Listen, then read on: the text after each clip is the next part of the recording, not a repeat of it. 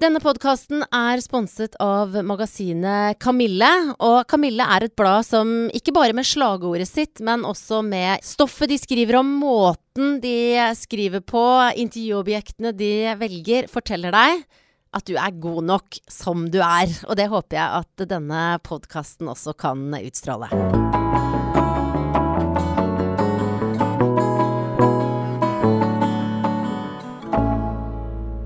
Fra kjelleren på eh, Ole Bull-huset i Bergen. Det er en mørk eh, kjeller, men ikke på den eh, vonde måten. Her er det lysekroner og fløyelsmøbler og veldig mange bra damer ute i salen.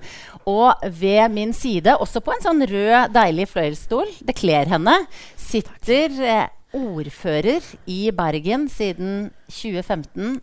Marte Mjøs Persen. Hei, Marte. Hei. Velkommen til Bra damer. Tusen takk, og takk for invitasjonen til å komme. Her er det jo mye bra damer. Og noen menn òg. Bra menn òg, tror jeg. Ja. Det er, eh, de er ekstra bra, de mennene som våger seg hit. De tror kanskje det er en farlig kjeller, mye prat om mensen eller et eller annet. Men det, dere er helt trygge. Marte, du er den første ordføreren jeg har Nei, det er du ikke. Har, den sittende ordføreren. Jeg snakka ja. med din forgjenger Trude Drevland før. Ja. Men det er en jobb med mye ansvar og mye mystikk. Hvordan har dagen din vært i dag, f.eks.? Uh, først leverte jeg jo barna på SFO. da, Og mm. så var jeg og åpnet et veldig viktig seminar i Ytrebygda. Mobi-seminaret. Det er en stiftelse som da uh, samler folk som jobber med barn og unge i eh, Ytrebygda bydel. Mm. Alt fra politi til barnevern til lærere, ungdomsarbeidere og ungdom til en seminar. Og de diskuterte noe så alvorlig som vold og seksuelle overgrep mot barn og unge. Og så har jeg vært eh, litt på kontoret og gjort unna litt arbeid. Og så har jeg åpnet en ny barnehage i dag. Ja. Leaparken barnehage. Fantastisk flott. En helt ny barnehage i et gammelt bygg. I gamle Solhaug skole oppe i Leaparken. da. Og uh, det var veldig gøy. Da fikk jeg hjelp av disse barnehagebarna til å klippe snor. og Da blir det så høytidelig. Da kom de med, med, saks på sånn rød fløyelspute, ja. og så klippet vi snor sammen og spiste boller. Men du, sånne, sånne, settinger, sånn som i dag, sånn du har åpna et seminar og åpna en barnehage, det er jo sånne ting som kan bli veldig kleint. Eh, mye sånn ja, med sakser og klemmer og Hvordan trives du i sånne eh, settinger hvor du er liksom ordfører på, på utstilling, da, for å sette det litt på mm. spissen? Nei, jeg er veldig glad i folk. Og det tror jeg man er nødt til å være. Så det gjør at jeg liker å møte folk. Og så tror jeg at jeg er litt nysgjerrig, akkurat sånn som du sa innledningsvis, Guri. At du er, at du er nysgjerrig. Så derfor så blir jeg også veldig nysgjerrig på hvem disse menneskene jeg møter, er. da. Og jeg merket f.eks. når jeg var i denne Leaparken barnehage, så etter vi hadde gjort dette offisielle med åpningen og sånn, så skulle liksom eh, eh, han som er liksom leder for etat for utbygging, han skulle ha en sånn formell omvisning på bygget. da. Mm. Eh, og det var veldig fint. Men da datt jeg litt av, kjente jeg. Da kjente jeg at jeg ble litt sånn Men hva er det dere leker med her, da? Sant? Og så må jeg snakke med barna og høre litt med de voksne. Hvor lenge har de jobbet i barnehage, hvor jobbet de før de begynte der? og alt det der. Uh, så, så, jeg er nok mye mer interessert i menneskene, og derfor så trives jeg veldig godt i den rollen. Men den andre grunnen til at jeg trives godt i den rollen, det er jo nettopp det at uh, du er nødt til å sette deg inn i det de menneskene du skal møte, driver med. Sant? At når jeg skal møte folk som jobber med det aller viktigste eh, vi har i samfunnet vårt, etter min mening, barn og unge og deres eh, oppvekstvilkår, så, så, må jeg prøve å sette meg litt inn i hva de driver med. Eh, og det finner jeg faktisk utrolig stor glede i. Og Det gjelder selvfølgelig ikke bare når jeg skal møte folk som jobber med barn og unge. Men her, en av de første oppdragene jeg hadde som ordfører, var at jeg skulle åpne en kjempestor havkonferanse. Som eller det var egentlig ikke en havkonferanse. Egentlig så handlet det om plankton i havet. Ja. Og da setter du deg inn i planktonens verden? Ja, da leste jeg masse om plankton i havet. Og så endte jeg egentlig opp med å tenke det at, at plankton uten plankton ingenting. Ja. sant? og så blir det utrolig spennende, på en ja. måte. sant? Ja. Um, så jeg tenker at uh, det er veldig bra for allmenndannelsen på mange måter å være ordfører. Du lærer utrolig mye om, om veldig spredt et tema. Også. Men det blir også, kan jo bli litt sånn oppstykket og delt. da, At du får Ja. sånn litt sånn ja. eh, smålærdom om mange, mange mange ting. Ja. Og det er kanskje egentlig litt i altså Det er jo helt i motsetning til å fordype seg i noe. da. Og det eh, savner jeg av og til. Sant? De første årene jeg satt i bystyret i Bergen, det var i den perioden fra 2003 til 2007. Da satt jeg i det som heter Komité for miljø og by, byutvikling. Eh, og da fikk jeg anledning til å fordype meg i det. Eh, og jeg innrømmer at jeg òg da ble egentlig veldig god. Nå kan ikke jeg si det så mye, for det var den gamle plan- og bygningsloven. da. Mm. Men jeg ble egentlig grådig god på plan- og bygningsloven. Faktisk hakket bedre enn de aller fleste. Og det tror jeg er fordi at jeg syns det er så interessant å også gå liksom inn i, inn i tematikken på, på ting. da. Ja. Mm. Er det lett for deg å si at du er, go er, er god på noe? F.eks. plan- og bygningsloven? Jeg har øvd meg litt på det. Uh, før var jeg ikke noe flink til det, men jeg har innsett at jeg egentlig er ganske god på en del ting. Og det er fordi at, fordi at jeg forbereder meg. Det er fordi at jeg leser sakspapirer, f.eks. Mm. Og det er sånn Jeg vet ikke om det er noen her som sitter i bystyret eller har sittet i noen kommunestyre rundt omkring. her og sånn, Men det er uh, veldig lett å hevde seg hvis du faktisk leser papirene godt nok. Mm. Eh, ikke til forkleinelse for andre, men, men det er mange som, har, som, som tror at det er nok med pondus og, og slips. Eh, og at ikke de kan så mye om saken. Men Ja, hvis du kan hører- saken, da, da kan du liksom da, Mm. da får du ofte gjennom det du vil. Ja, for jeg hører på stemma di nå at nå, det det er på en måte noen du ser for deg konkret, Ja. nærmest. Ja. ja. Mm. Ja, men, det, ja, men du gjør jo det. Altså, jeg, nå har jeg vært, ganske, vært mange år i bystyret, og du, du har jo noen som går igjen, sant? Eh, som, som ofte entrer talerstolen sant? med en eh, og, og i forbausende mange saker. Sant? Selv om jeg da sitter der som ordfører så sier jeg at denne saken har en enstemmig innstilling. Eh, vi har en enstemmig altså, eh, Er det noen som skal ha ordet? Klokken er 22.13. Mm. Sant? eh, så skal de ha ordet. Ja. Ja. For å si det opplagte, på en måte. da. ja. Ja. Eh, Alle her kjenner typen, ja, sant? sant? Ja.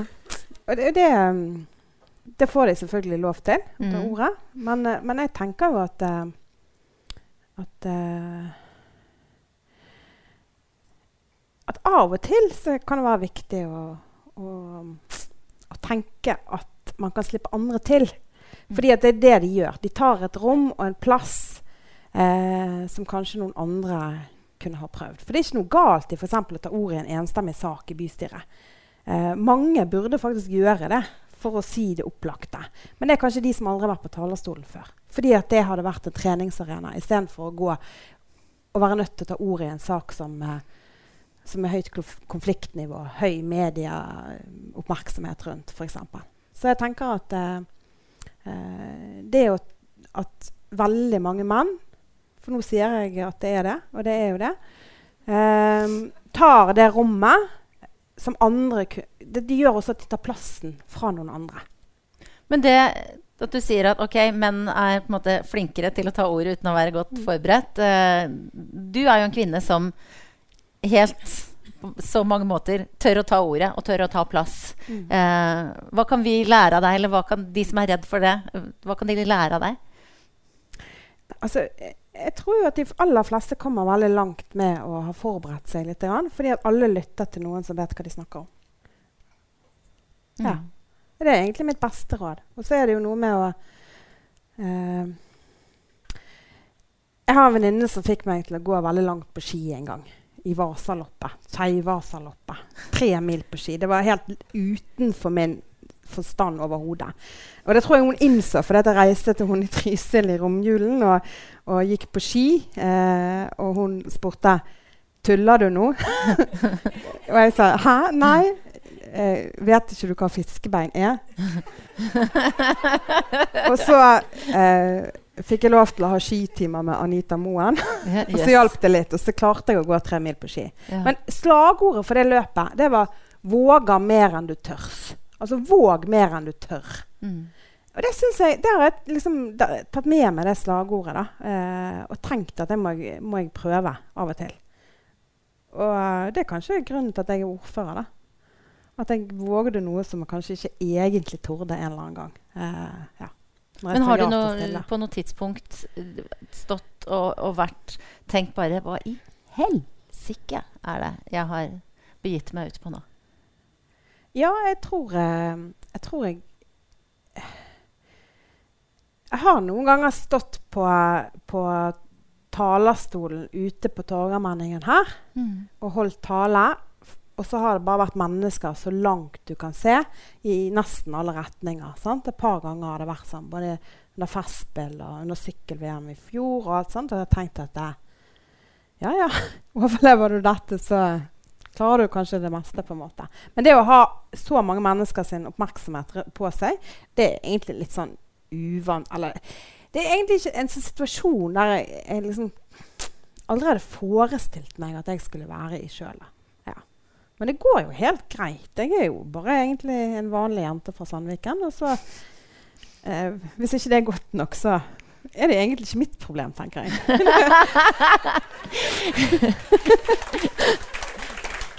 ja. Og det er jo en deilig innstilling. Ja. Og jeg tenker eh, Med den jobben du har, og alle de tingene du må åpne og sette deg inn i, så krever du en, en enorm arbeidskapasitet. Men når jeg leser intervjuer med deg og hører deg snakke om eh, ditt virke som ordfører og politiker, så slår det meg at du virker som du er flink til å drite i de tingene man bør drite i, for å si det eh, på en liksom folkelig måte. ja, jeg er ikke helt sikker på hva du tenker på, men, men ehm, Du kan få lov å tolke det som du vil. Ja, nei, men altså, klart det. Altså? Jeg, jeg pleier å si at det er jo ingen som har mer enn 24 timer i døgnet. Noen later som de har det. sant? Altså, noen kommer tilsynelatende på jobb, og så har de gjort alt mulig før de var på jobb. De har vært, altså, det er ikke måte på. De har smurt matpakker og vært på trening og eh, ja, hørt på radio og lest avisen. Alt har de klart å rukke før. Før de kommer på jobb. Og jeg tenkte sånn Sov du egentlig i det hele tatt i natt? sant? Men, men poenget er jo det at eh, noen later som de har mer. Men ingen har mer enn 24 timer i døgnet. Sant? Og jeg prøver å tenke sånn at jeg er nødt til å sove i hvert fall syv timer om natten for at jeg skal klare å holde meg sånn noenlunde i, i, i gjenge. Uh, og da må jeg bruke de resterende timene av døgnet på, på ting jeg har lyst til å drive med, og som er viktig både i mitt embete som ordfører, men også i mitt familieliv. Som mor til fire og, og eh, ektefelle og tante og, og venninnene og alle de tingene som, som man er i livet. Da. da må man bruke de timene ganske godt. Så jeg, jeg, jeg, jeg har aldri, aldri sett X on the beach. Jeg har aldri sett på Farmen. Altså, jeg, jeg har aldri brukt tid på det. Uh, noensinne. Uh, og det gjør at jeg kanskje Jeg sier ikke det er galt å gjøre det hvis man har lyst til det, men jeg har ikke lyst til det. Uh, og, og derfor så Altså Man må rett og slett prioritere. Man, er nødt til å velge vekk noe eh, hvis man skal få tid til andre ting. Og det skjønte jeg, eh, tror jeg, i 1999. For da ble jeg aleine med han eldste gutten min, eh, som da var to år. Og jeg var student. Og så skjønte jeg litt at eh, at hvis jeg skulle få lov til å være med de andre eh, som var jevnaldrende med meg på fest eller på byen av og til, eller eh, at jeg i tillegg skulle klare å ta eksamen samtidig som jeg var studentpolitiker og etter hvert kom inn i bystyret og alle de tingene der, så måtte jeg faktisk bruke tiden jeg hadde til rådighet når Aksel var i barnehagen, på å gjøre viktige ting. Som å lese og, og skrive og, og, og sånn. Ja. Hva er det du føler du har valgt bort, bortsett fra Ex on the Beach? Nei, det er jo det som er, da. At når jeg liksom Enn så føler jeg ikke jeg har valgt bort særlig mye. Jeg har gode venner rundt meg. Jeg har uh, fire fantastiske barn og en mann som til og med er glad i meg fortsatt. Altså, så det at uh, Ja. Uh, men det er klart at eh, eh, Ja, nei. Jeg vet ikke. Altså, liksom, jeg kunne jo selvfølgelig sagt at eh, Jeg skulle gjerne ønske jeg hadde mer tid til å trene, mer tid til å treffe venner, mer tid Men hvem skulle ikke det, da? Altså, ikke det, liksom, har ikke alle det sånn da, at de kunne tenkt seg å gjøre mer av de tingene som de syns er gøy? Uh, og så er livet litt sånn at vi må gjøre ting litt i perioder. Sant? Har man små barn, så må man faktisk konsentrere seg litt om å ha uh, små barn. Og så når de har blitt store, så kan man prioritere annerledes. Sant? Altså, foreldregenerasjonen vår, f.eks. De reiser og koser seg og drikker vin og en gang blir det vår tur. Men du, når du snakker om prioriteringer, så må jeg nevne, nevne det som skjedde forut for uh, at vi møttes her til denne podkasten. For uh, først så, uh, måtte, så sa du ja til å flytte et møte, som jeg mener var noe som var knytta til ditt virke som ordfører, sånn at vi kunne få til å finne en dato hvor vi kunne treffes. Men så, den datoen vi da hadde satt opp, krasja med foreldremøte første klasse. Ja. Og du har ikke én, ikke to, men tre førsteklassinger. Ja. Så da måtte vi flytte enda en gang. Så, så, så du, altså, det var greit å flytte politikk, men barna, da måtte du gå på det foreldremøtet. Ja, mm. det, det, det, er knallhard prioritering, skjønner jeg. Eh, mange ganger om dagen, sikkert. Ja. Og det er, noe, det er, jo vanskelig å si nei til ting. Men akkurat foreldremøte, i hvert fall når du har eh, førsteklassinger og første gang, og ny skole, og nye foreldre, og nye lærere og nye elever, alt sammen på en gang, mm. så må man nesten gå. Mm, så kan det være at pappa kan gå neste gang. Mm. Du, da du oppdaget uh, at uh, du skulle få ikke ett, men tre barn på en gang Hva Det er det, altså de, de, tre som nå har blitt ja. førsteklassinger. Ja. Da hadde du jo prøvd deg en del år på å være mamma allerede. Men det å bli oppdage at du skal få trillinger, hva tenker man da? Nei, altså, det er jo noe man altså, det er jo ingen, jeg, jeg, tror ikke, jeg, tror ikke, hvis noen kommer og sier at de har forestilt seg at de skulle få trillinger noen gang. Jeg hadde i hvert fall ikke det. Altså, jeg, liksom, når du liksom, De av oss som har fått barn, vet jo liksom at man begynner på et eller annet tidspunkt å forestille seg hva som er der inne, og hvem det kunne være, og hvordan det blir. Og sånn. Uh, og jeg tror kanskje jeg hadde en bitte liten mistanke om at det kanskje kunne være mer enn én. Fordi at uh, jeg syns buksen ble veldig fort trang. Mm. Og så uh, så jeg tror jeg hadde visualisert muligens tvillinger. da. Og tenkt at det var litt praktisk. liksom, Istedenfor å få to tatt. Jeg var jo begynt å bli voksen. sant? Jeg var 37 år. Men akkurat den dagen når jeg oppdaget at det var trillinger, så var det egentlig en helt sånn eh, vanvittig dag. Jeg hadde besøk av Jonas Gahr Støre, eh, som jeg sa sånn Uh, du, nå skal du bare gå bort og skal du holde foredrag på, på, på Bergen katedralskole. og Det tar en time og et kvarter. skal du være der, og Da kommer jeg møte deg utenfor etterpå. Og så dro jeg på ultralyd. og så var det litt artig, på en måte. Da, for han gynekologen som var der, vet du, han, han, uh, han syntes det var helt fantastisk. Fordi han, han, var jo i 60-årene, og han um, hadde sett trillinger én gang i sitt liv før. Og det var da han var student. Så han ble sånn ordentlig i fyr og flamme. Og mannen min, da, som egentlig skulle være med, han var ikke kommet inn ennå. Fordi at vi var selvfølgelig Siden vi måtte liksom gjøre den litt sånn ditche partilederen og så kjøre opp. og sånn der, Så fant vi ikke parkeringsplass umiddelbart. Så han var ikke kommet inn egentlig før vi var ferdig med den ultralyden. for han fant ikke parkeringen. Så når mannen min da kom inn, så sier, så sier Nils Olav, mannen min, først da 'Beklager, men jeg, eh, eh, jeg fant ikke parkering.' Og så sier bare gynekologen 'Du trenger ny bil!'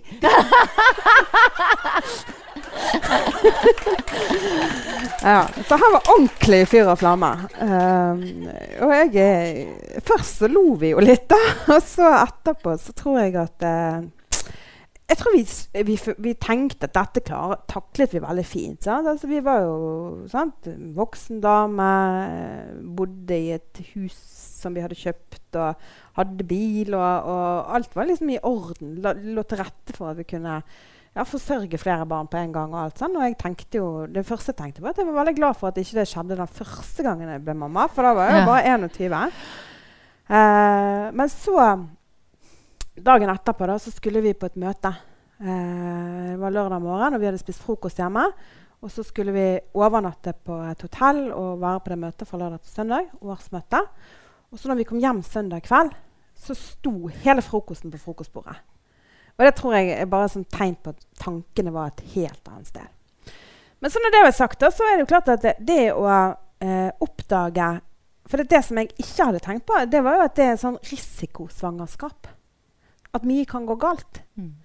Og det å komme i en sånn situasjon der du skjønner at, at her kan mye gå galt, eh, det, det syns jeg var utrolig tøft følelsesmessig. Og, og, å gå med eh, hele tiden. Fordi at man, man vet jo om det. Sant? Alle som får, Man vet jo om at ting kan gå galt, og sånn, men her var det høy risiko for at det kunne gå galt. Og bank i bordet så har det gått kjempebra. da. Mm. De er alle tre er friske. De er riktignok litt for tidlig født, men, eh, men ingen store tegn på at ikke det skal gå helt fint. Sånn at eh, det syns jeg var tøft følelsesmessig. Ja. Og så kom jeg hjem med sånne bitte små babyer. Var Tre stykker. Ja. Tre stykker. Ja. Var du fortsatt bekymret da? Nei, når vi kom hjem fra sykehuset Vi var jo nesten en måned på sykehuset. da, eh, Så var ikke jeg så bekymret lenger. Fordi at eh, de var jo eh, testet og sjekket og lyttet på og undersøkt eh, så godt som ja, som ingen andre barn noensinne nesten hadde vært, følte jeg. Eh, og så hadde vi jo vært da i et miljø med utrolig trygge barnepleiere og eh, barneleger og alt mulig oppe på, på barneklinikken på Haukeland, som, der det jobber og er utrolig dyktige folk. Eh, som òg hadde gitt oss tips og råd. Og sånn. Og et av de tipsene det var jo liksom Ikke la disse barna være selvregulerende. Gi dem mat. Og da var det først hver tredje time, og deretter hver fjerde time. Og så kuttet vi nattmåltid etter hvert så de ble større. Og sånn da. Og da gjorde vi det sånn. F.eks. når de skulle ha mat om natten. Så når den første våknet, så vekket vi de to andre og ga dem mat. Og så la vi dem til å sove igjen. For det, det ble bare i begynnelsen en og en halv time fra du var ferdig med å gi dem mat og skifte på det og legge det, til du skulle begynne på nytt igjen. Det er heftig Og det er sånn som du glemmer etterpå at uh, Hvordan du fikk til. Men det skjønner jeg ikke nå. Hvordan orker man det, liksom? Det sier noe om en enorm uh, arbeidskapasitet, da. Ja, jeg vet ikke. Ja. Kanskje. Jo. Jeg har ganske høy arbeidskapasitet. Jeg har det. Mm. Mm. Og den bruker du jo i uh, både på familiefronten og i politikken. Og jeg, jeg har skjønt at du har jo vært engasjert og, og i politikken og med andre verv veldig lenge. Mm. Altså, når altså, er, det bare, er, er du født sånn eller blitt sånn? Ja, Født sånn, blitt sånn. Jeg tror det er litt det samme. Eh, jeg tror jeg har vært engasjert eh, hele livet mitt, egentlig. Eh, også fra jeg var barn. Men det var jo kanskje i ungdomstiden eh, det våknet sånn ordentlig. Og da var jo saken Det var ungdomshus i Bergen sentrum. Å få et sted hvor ungdom kunne være, lage musikk, fotografere, ha, lage konserter. Være for seg sjøl uten å bli styrt av voksne. Mm. Det var liksom saken. Og så etter hvert, når jeg begynte på universitetet, eller i hvert fall etter jeg eh, kom tilbake igjen når Aksel begynte i barnehage, så engasjerte jeg meg i studentpolitikken. Og det var litt tilfeldig, egentlig, fordi at uh, det var en som, som uh, sa til meg det, at hun syntes at jeg burde sitte i fakultetsstyret. Det var på HR-fakultetet. Humanistisk fakultet. Jeg visste ikke helt hva fakultetsstyret var. Men jeg sa OK, hvorfor det? Og så var det jo da for bakgrunn i et eller annet jeg hadde sagt, da, der jeg hadde kritisert eh, litt faget og hvordan det var innrettet og timeplaner og litt sånn. Så Ja, var du da en sånn type som tok ordet og snakka litt høyt og Ja. meldte? Så det øver jeg meg litt på, da. F.eks. på foreldremøter. Ikke fordi jeg, jeg er ikke sånn som kritiserer, men jeg har jo meninger om alt. sant? Sånn at jeg, jeg sitter litt sånn, da. Sånn når jeg er på foreldremøter. og sitter på sånn. hendene dine for ikke å Ja. ja. Men det gjorde du ikke da? Han sitter av og til sånn holder meg litt. For at du liksom så ikke, ikke, ikke fyrer deg liksom- opp? Men da fyrte du deg opp tydeligvis så mye at folk la merke til det. Ja. Uh, og så, da, så satt jeg i fakultetsstyret, og så satt jeg i styret i Studentsamskipnaden. Og så jobbet vi med masse spennende saker med barnehageutbygging og priser. Den gangen så var det jo, var det jo ikke sånn no, I dag er jo bar barnehage ganske rimelig.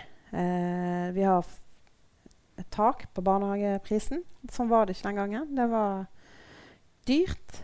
Det var vanskelig å få en plass. Og det var veldig vanskelig å få en plass i nærheten av der du bodde. Sånn. Så det var en sak som vi jobbet mye med i studentpolitikken, i tillegg til alt det der andre. Og så var det mye internasjonal politikk. Vi var, ja. Nei, det var, det var gøy. Og så var det noen som spurte om jeg ikke ville stå på liste til bystyret. Og da sa jeg ja til det. Og det har jo på mange måter forandret livet mitt. Men den gangen når jeg kom inn i bystyret, da var Herman Friele ordfører. Og da tenkte jeg når jeg gikk på talerstolen Jeg er god nok for dette. Er min, min sosiolekt, der jeg sier 'jeg' og 'meg' og 'deg' og 'ikke' Er det godt nok for bystyret i Bergen? Men det er det, altså. Det er det som er demokratiet. Det er at det er for alle. Men du, altså, nå er det jo eh, relativt eh, streit. Eh, Ap-politiker, ingenting kontroversielt med det sånn utgangspunktet. Men du har jo en litt eh, altså, Da du eh, var, begynte ditt sterke engasjement, så eh, var det i det som da het Rød valgallianse, med en tidligere meget omtalt hanekam ispedd nå mintfarget grønt. Ja. Ja, hvordan Det var var det jo da? litt mytisk Ja, på mange det- måter. Er jo det. Ja, fordi at Hanekammen var jo for lengst kvitt når jeg var med i RV. Ja, men det er så deilig, det Ja. bildet av RV-politikeren med Ja, Nei, men ok, når hadde du hanekam, da? Uh, nei, det var jo da når jeg holdt på med dette ungdomshuset. Det var jeg, jeg var jo sånn fjortis. Mm. Jeg, jeg, var- jeg var bokstavelig talt fjortis, for jeg husker det eh, Farmoren min ble en smule sjokkert. da. Og, og den hadde ikke engang mintgrønne striper. Det er det som er så fantastisk. Er det blitt en urban legend, liksom? Ja. Å gud, så deilig. ja. Men, ja, for det grønne, det har jeg lest. De har ikke funnet det på sjøl. Det kunne men, jeg gjort, men altså. nå treffer jeg til og med folk som sier at de husker det. For de har lest om Er det dette. sant? Ja, men han var svart. Ja. Men ok, jeg husker deg med den grønne hanekammen. da kan vi liksom avkrefte det mintgrønne, da, men at den var der. Hva var det, Husker du hva det var eh, hos eh, Fjortis Marte som gjorde at du eh, ønska å uttrykke deg med en sånn hårsveis? Nei, altså det er jo e e egentlig Altså Der og da, da, så var det sånn at min, en av mine aller beste venninner, Linda het hun, heter hun, hun eh, var frisør. Hun ville bli frisør. Hun ble frisør òg, altså. Men hun ville bli frisør. Eh, og hun testet eh, en del ting på meg. Og så var det en veldig stilig punker som bodde i nabolaget vårt. da. Og han så vi litt opp til. Han var grådig kul og hørte på stilig musikk og, og alt sånt. Så da fant vi ut at eh, vi prøver å lage en sånn hanekam. Så gjorde vi det. Det var egentlig den første gangen. Det var ikke mer rebelsk enn det. altså. Det var en stilig punker. Og en frisør-innspe. Men det krever jo sin kvinne å bære en sånn hårsveis. Um, Ja. Hvordan var du som 14-åring? Det er vanskelig å se seg sjøl utenfra, spesielt eh, sånn tilbake i tid. Uh, på en måte så var det utrolig frigjørende for meg å få denne hanekammeren. Fordi at jeg var på den ene siden ganske sjenert og stille.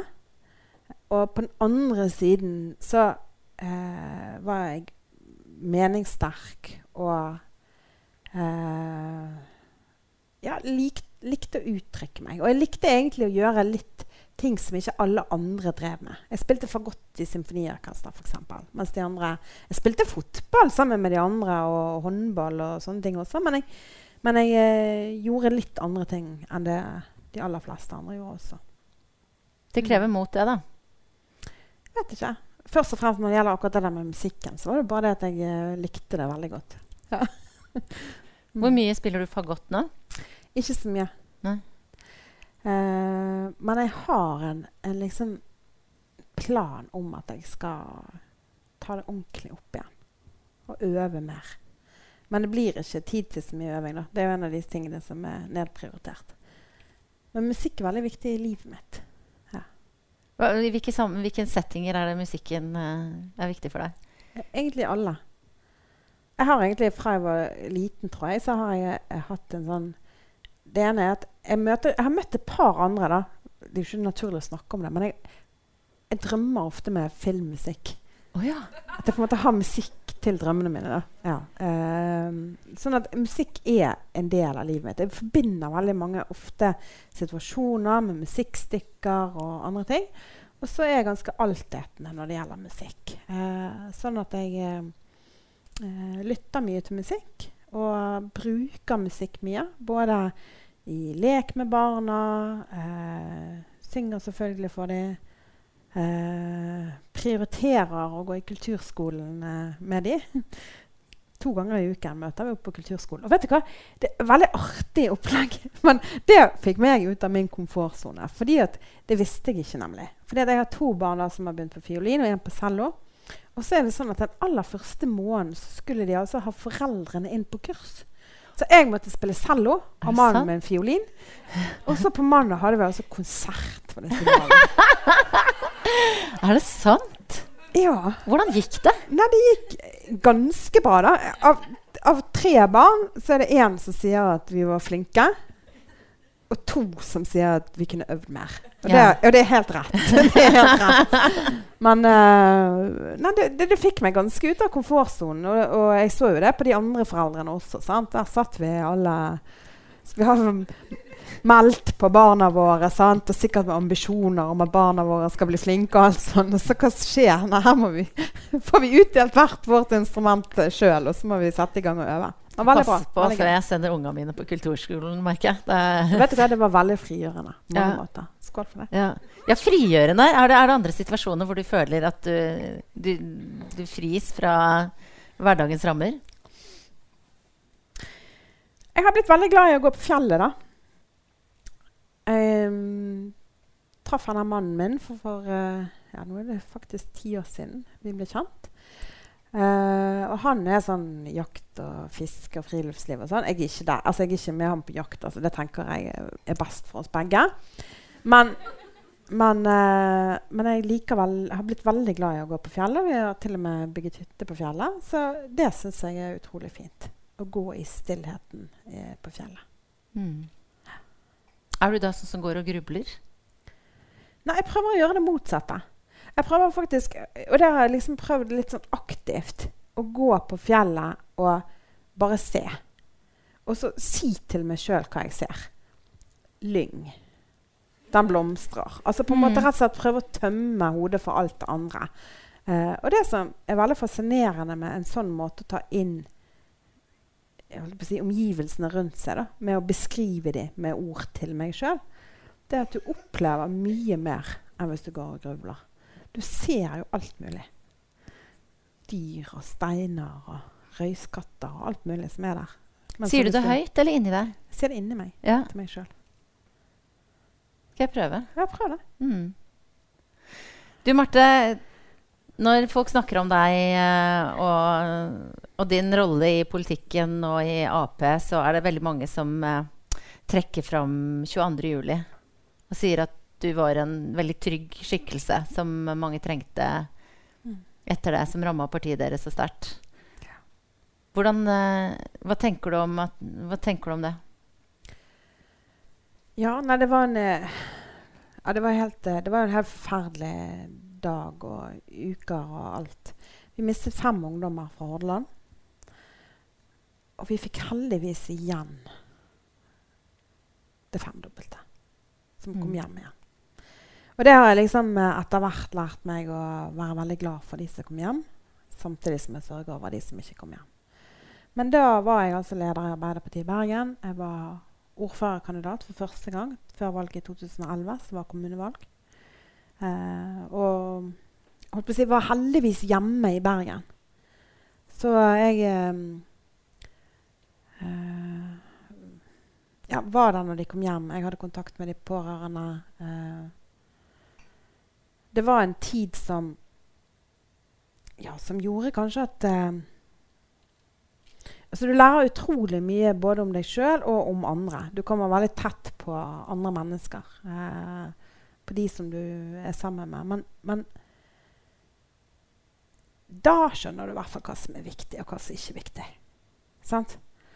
Eh, og jeg, den valgkampen er noe av det rareste jeg har vært med på etterpå. Eh, fordi at eh, folk fortsatte jo å snakke om eh, ting som Jeg husker det ikke engang, altså, men det var liksom Det føltes liksom som jeg husker òg en valgkamp eh, tilbake jeg tror det må ha vært i 2001. eller noe sånt. Da var ikke jeg aktiv i, i det, men da, da, var liksom hovedsaken i valgkampen. Og da var jeg alenemor og, og relativt fattig. Jeg var student.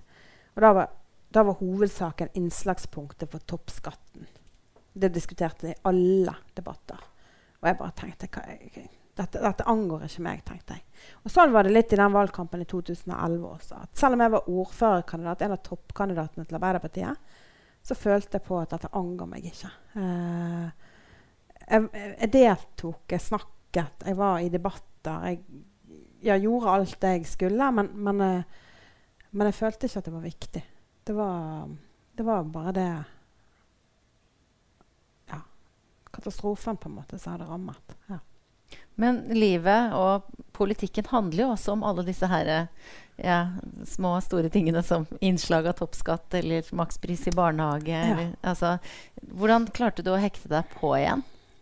Nei, det er jo rart med det. Det, det er jo som du sier, at det, det er jo en del av livet. sant? Eh, og nettopp det å finne litt tilbake til, uh, til at hverdagen er der. Eh, og hverdagen består jo av alt mulig. Sant? Det består av innslagspunkt for toppskatt og bompenger og kollektivtrafikk og bybane og bybanestrekninger og hvor han skal gå og ikke skal gå, og barnehagepriser og innhold og kvalitet i SFO og alle de tingene som vi egentlig er opptatt av, og som er livet vårt. Sant? Det er jo det som er hverdagene våre. Det er jo nettopp at vi skal uh, ha kvalitet i skole, barnehage for barna våre. At vi skal komme oss trygt frem og tilbake fra jobb. At luftforurensningen holdes på et minimum og et nivå. At vi skal klare å redusere klimagassutslippene for at jordkloden skal bestå til neste generasjon og generasjonen deretter. Altså det, er jo, det, er jo, det som er livet. sant? Og til slutt så oppdager du det. Men akkurat der og da så, så føltes det altså på en måte meningsløst. Det var liksom akkurat liv eller død, død som betydde noe. Ja. Mm. Går det an å si at det på en måte Det er fælt å si at noe så grusomt skal være positivt, men har det hjulpet deg, hjulpet deg til noe? Det, det, er et vanskelig spørsmål. fordi at uh, På den ene siden så har jeg lært mye om meg sjøl.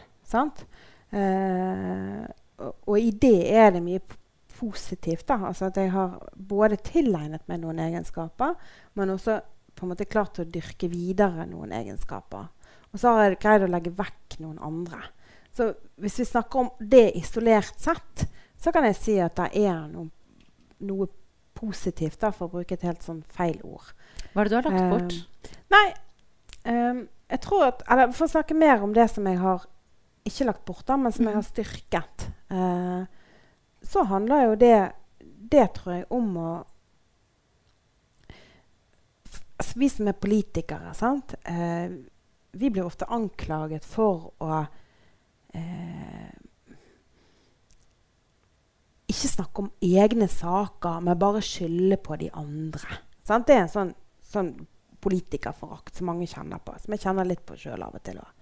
Men, og det er en av de tingene jeg tror jeg har, har styrket meg veldig på. At jeg er mye mer opptatt av å snakke om hva jeg vil, og hvorfor det er viktig. Istedenfor bare å snakke om det som ikke virker, eller det som er feil, eller det som ikke var så bra. Og så kjenner jeg at jeg har klart å slutte å irritere meg over at andre gjør det samme. Eh, fordi at jeg tenker at Jeg tror jeg tenker det at at ok, dette er viktig for dem. Altså, hvis de er så opptatt av det, så, så, er det viktig for dem. Og jeg skal ikke latterliggjøre hva som er viktig for andre i sitt liv. Så på den måten har jeg blitt mer tolerant. Og det, det er en side med meg sjøl jeg, jeg eh, egentlig liker ganske godt. Det er på en måte at jeg opplever at jeg sjøl er blitt mye mer tolerant, mye mer raus i forhold til hva andre mener og sier og gjør og tror på. Og, og har mer respekt for hva de står for. Og så kjenner jo jeg at det er inntil et visst punkt. Fordi at hvis vi begynner å snakke om ideologien til Breivik, som skjøt og drepte og sprengte regjeringskvartalet i luften, så er nok toleransegrensen min mye mindre. At det å gjenkjenne den formen for farlig ideologi, da, rasisme, hat Der er toleransegrensen min blitt lavere. Mm. Ja. Forståelig nok. Forståelig nok, kanskje. Men uh, Men jeg tror jo at, uh, at, det er litt viktig da, å ha raushet. For eksempel så en ting som jeg uh, ja, Tidligere, da, sant? når jeg var elev sjøl, f.eks., så, så var jeg motstander av skolegudstjenester. Fordi at jeg syntes at i et sekulært samfunn så var det greit om vi forholdt oss til, til det samme. Og da er vi i skinnjakke og, ja, litt, ja, og hanekam, og da men, men, Vi skal ikke ha ja, men, det. Sånn, men, nå kjenner jeg litt på det at jeg, jeg, det, det, klarer jeg ikke å hisse meg oppover. Mm. Jeg. Jeg skjønner godt hva du mener. Det, det, er helt greit. Det må man bare gjøre. Eh, og så kan jeg gjøre det jeg vil, på en måte. Men én ting er jo denne saken som, som, selvfølgelig har påvirket livet til mange, og også ditt, dine meninger. Men du har jo eh, også gått gjennom en forandring. Sant? Du var innom at den hanekammen ikke var akkurat samtidig med at du var RV-politiker. Men du, at du har på en måte gått en grad eh, eh, til høyre, da, egentlig, hvis det går an å si. Hvor mye pepper har du fått det, for det? Jeg tror jeg har fått mer skryt enn pappa, for å si ja. det sånn. Eh, for, ja, men, ja, men det, det, skal, det, har jeg lyst til å si noe alvorlig om. Fordi at eh, mange tror jo, og ofte de som definerer seg sjøl ganske langt til venstre, de syns det er en dum ting at jeg på en måte har gått til høyre. Mm. Men de er mange færre enn de fleste. Sant? Jeg skjønner. Ja. Og de syns jo det er veldig bra. sånn at eh, når folk spør om akkurat det, så, så, har jeg liksom innsett at nei, jeg har egentlig ikke fått så mye pepper for det. Tvert imot så tror jeg at, eh, at mange setter pris på å ha politikere kanskje også La meg definere meg i sentrum av norsk politikk. da. Mm. Eh, ikke fordi at verdiene mine er nok tradisjonelt det som man kaller for venstresideverdier. Jeg er for fellesskap. Jeg er for at, at, vi skal løse ting i fellesskap. Fordi at det er lurere enn at hver og en skal gjøre ting. Derfor er jeg for at vi betaler skatt, sånn at vi kan ha gratis skoler og gratis helsetjenester. Og at vi fortsatt kan bygge sykehjem og, og ta vare på de eldre i offentlig regi. Altså, alle de tingene her, det, det er jeg for. Men, men jeg ønsker eh, altså, jeg, alle forandrer seg på et eller annet tidspunkt. da. Men jeg tror mange av grunnverdiene mine de er akkurat de samme. Jeg, jeg, blir rasende når noen blir behandlet veldig urettferdig. Sant? Når, når eh, rasisme, intoleranse kommer til syne, så er det en sånn, det en sånn ryggradsrefleks hos meg som, som, ligger der veldig tydelig. Og så har jeg jo lyst til å si at en del av de tingene som vi snakket om i RV, da, Eh, på tidlig 2000-tall. Eh, F.eks. en ting som jeg husker vi, vi nesten ble, ble halshogget fordi vi foreslo. Eh, det var nemlig miljødifferensiering i bompengeringen. Altså at man skulle betale mer hvis man hadde veldig forurensende biler, og mindre hvis man ikke hadde det. Det husker jeg at, eh, at Herman Friele han gikk ut og sa sånn Nei, vi skal aldri ha sånn SUV-avgift i Bergen. Det er det siste sort. Og så For to valg siden så gikk Høyre også til valg på det. da. Sant? At det var fornuftig å ha en form for miljødifferensiering. Nå har vi jo det bare sånn at elbilene går gratis, og så betaler resten mye. Sant? Men det går jo mot veiprising nå, der de som forurenser virkelig mye, de betaler mest. Og så er det en gradering ned mot mot uh, de. Så du føler at du var tidlig ute? ja, det er det jeg mener. At, at, mange av de tingene som vi snakket om fordi Når vi snakker om lokalpolitikk, da, så opplever jeg at alle partiene i bystyret, uavhengig om de er helt til venstre eller helt til høyre, faktisk, har gode løsninger for helt konkrete ting man prøver å få til i Bergen. Ofte klarer vi å bli enige, helt på tvers av partiene. Eh, og så er det av og til litt avhengig av hvem som foreslår det, eller hvilket parti. Sant? Den gangen opplevde jeg litt at, eh, at når det var RV som foreslo det, så var det dumt. Og så når Høyre eh, og Arbeiderpartiet kom med det i sitt program, så var det lurt. Så det er litt lettere for deg å foreslå ting nå? Enn, Ja, på en måte. Ja. Litt mer stuereint? Du, jeg spurte om du ikke kunne ta med en ting som uh, forteller noe om hvem du er, Marte. Ja. Du holdt på å avsløre det i stad, men jeg ville helst ikke vite Ja. det før vi satt der. For det er litt mer Nei. spennende. Altså, vi har snakket litt om det. Ja, og det, det, dette er jo bare et sånn veldig billig brilletui med billige lesebriller. Og det er ikke det. Det er ikke briller? Nei. De tok jeg bare med i tilfelle jeg måtte lese noe. Ja. Nei, det jeg tok med, det var jo egentlig en stemmegaffel. Å ja. Vet alle hva en stemmegaffel er? Ja. Det er sant? Den lager en A. Når, når bruker du den? Nei um, Jeg bruker Jeg bruker f.eks. hvis jeg skal stemme et instrument hjemme. Mm. Sant? Og det er både når jeg spiller for godt, og hvis jeg skal stemme de der fiolinene eller celloene eller en gitar eller hva det måtte være.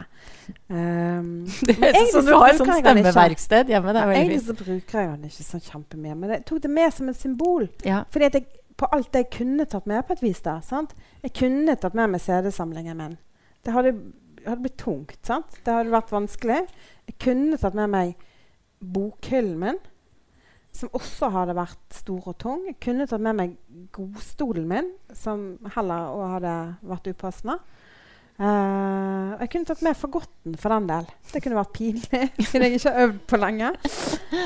Men jeg tok med rett og slett stammegaffelen som et symbol på akkurat det at jeg uh, er veldig glad i uh, både litteratur og musikk. Eh, og at det er en veldig viktig del av livet mitt. Og at hvis man skal bli liksom kjent med Marte, da, så er et godt inngangsspørsmål det å spørre liksom eh, om musikk, rett og slett.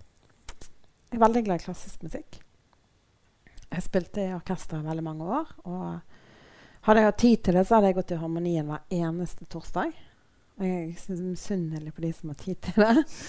Eh, jeg elsker å høre strykekvartetter. Og jeg elsker å gå på rockekonsert. Det er det beste jeg vet i hele verden. Så Hvor jeg- står du da i lokalet? Nei, før så var jeg ofte helt fremme med scenen. Jeg må jo innrømme at jeg også er blitt litt mer eh, sedat med årene, så jeg gjør gjerne ikke det helt nå lenger. Da. Men jeg har noen unntak. Jeg gjør det gjerne. Jeg har vært på, for på Springsteen-konsert eh, ti ganger. Og da går jeg gjerne Da prøver jeg å komme så langt frem som overhodet mulig. For eksempel. Og er, er du en sånn, hvilke teknikker bruker du for å komme deg frem? Nei, da gjelder det å være tidlig ute. Rett og slett. Man Mhm. kan ikke drive og brøyte seg frem. Det er en uting. Man må være tidlig ute. Man må være først. Ærlighet. Og så står du foran der og venter på Bruce. Ja. Og synger med. Håper han en dag skal se meg. Nei da. Nei da. Hva, hva, vil du han skal gjøre? Nei, jeg bare elsker å høre på, på musikken. Altså, jeg elsker å høre på Springsteen synge. Det er eh, en ting å høre det på plate og, og, og sånn. Det har jeg selvfølgelig gjort mye i mitt liv. Men, men uh, han er en livemusiker som, som virkelig klarer å få med seg et helt stadion, Wembley stadion, fylt av mennesker. Og så er det helt musestille, og alle er konsentrert om det han formidler via stemmen sin. Det er helt utrolig. Jeg ser opp til sånne kunstnere. Ja. Alle som er gjester i podkasten min, Marte, får tre sånne litt sånn eh, kjappe, greie spørsmål. Ja. Um, det første dreier seg om uh, frokost. Hva spiste du frokost i dag? To knekkebrød med brunost og en kopp kaffe med melk. OK, dung, dung, dung. Er det, er det det faste ritualet? Nei. Nei.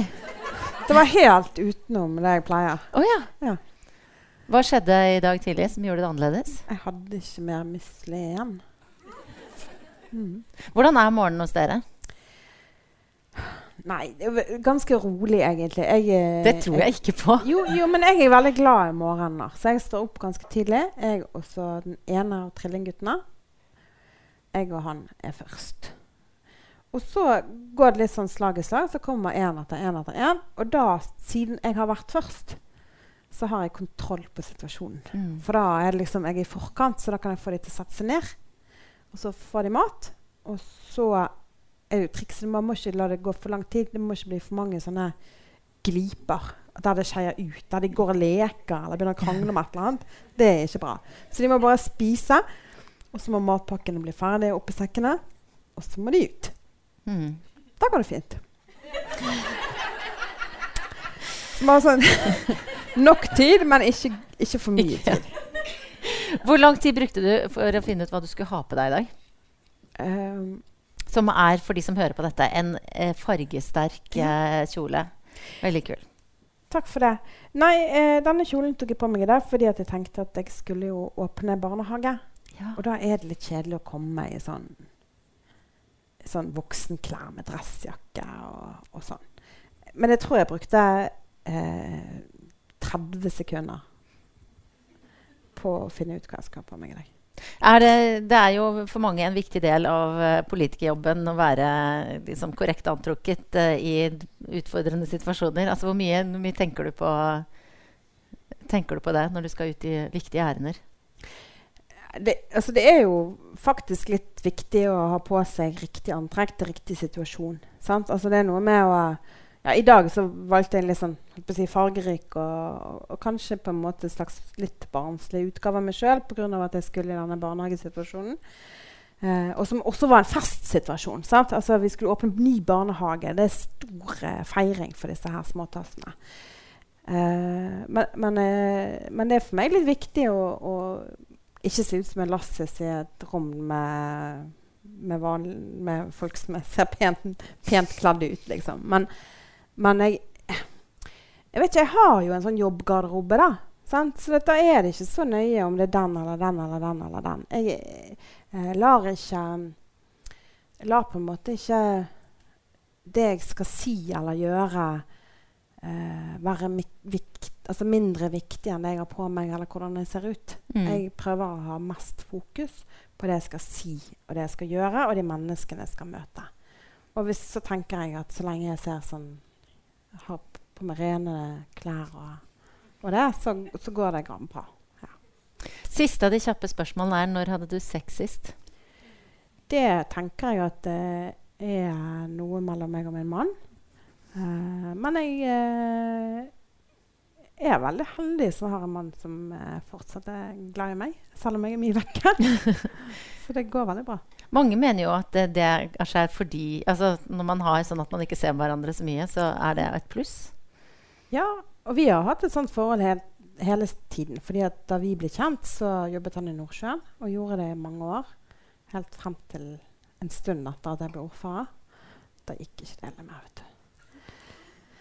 Eh, så vi har hatt det sånn hele tiden at, uh, at uh, vi har hatt perioder der vi ikke har sett hverandre i det hele tatt. Og det er faktisk eh, noe i akkurat det du sier, Guri. Fordi at um, det er noe med å, å både savne og glede seg til neste gang du ses igjen. Mm. Ja. Det er veldig fint. Det håper jeg vi kan ha fortsette med. Mm. Marte, tusen takk for at du uh, vil være med i podkasten min. Tusen takk Det en glede å prate med deg. Takk skal du ha, Marte.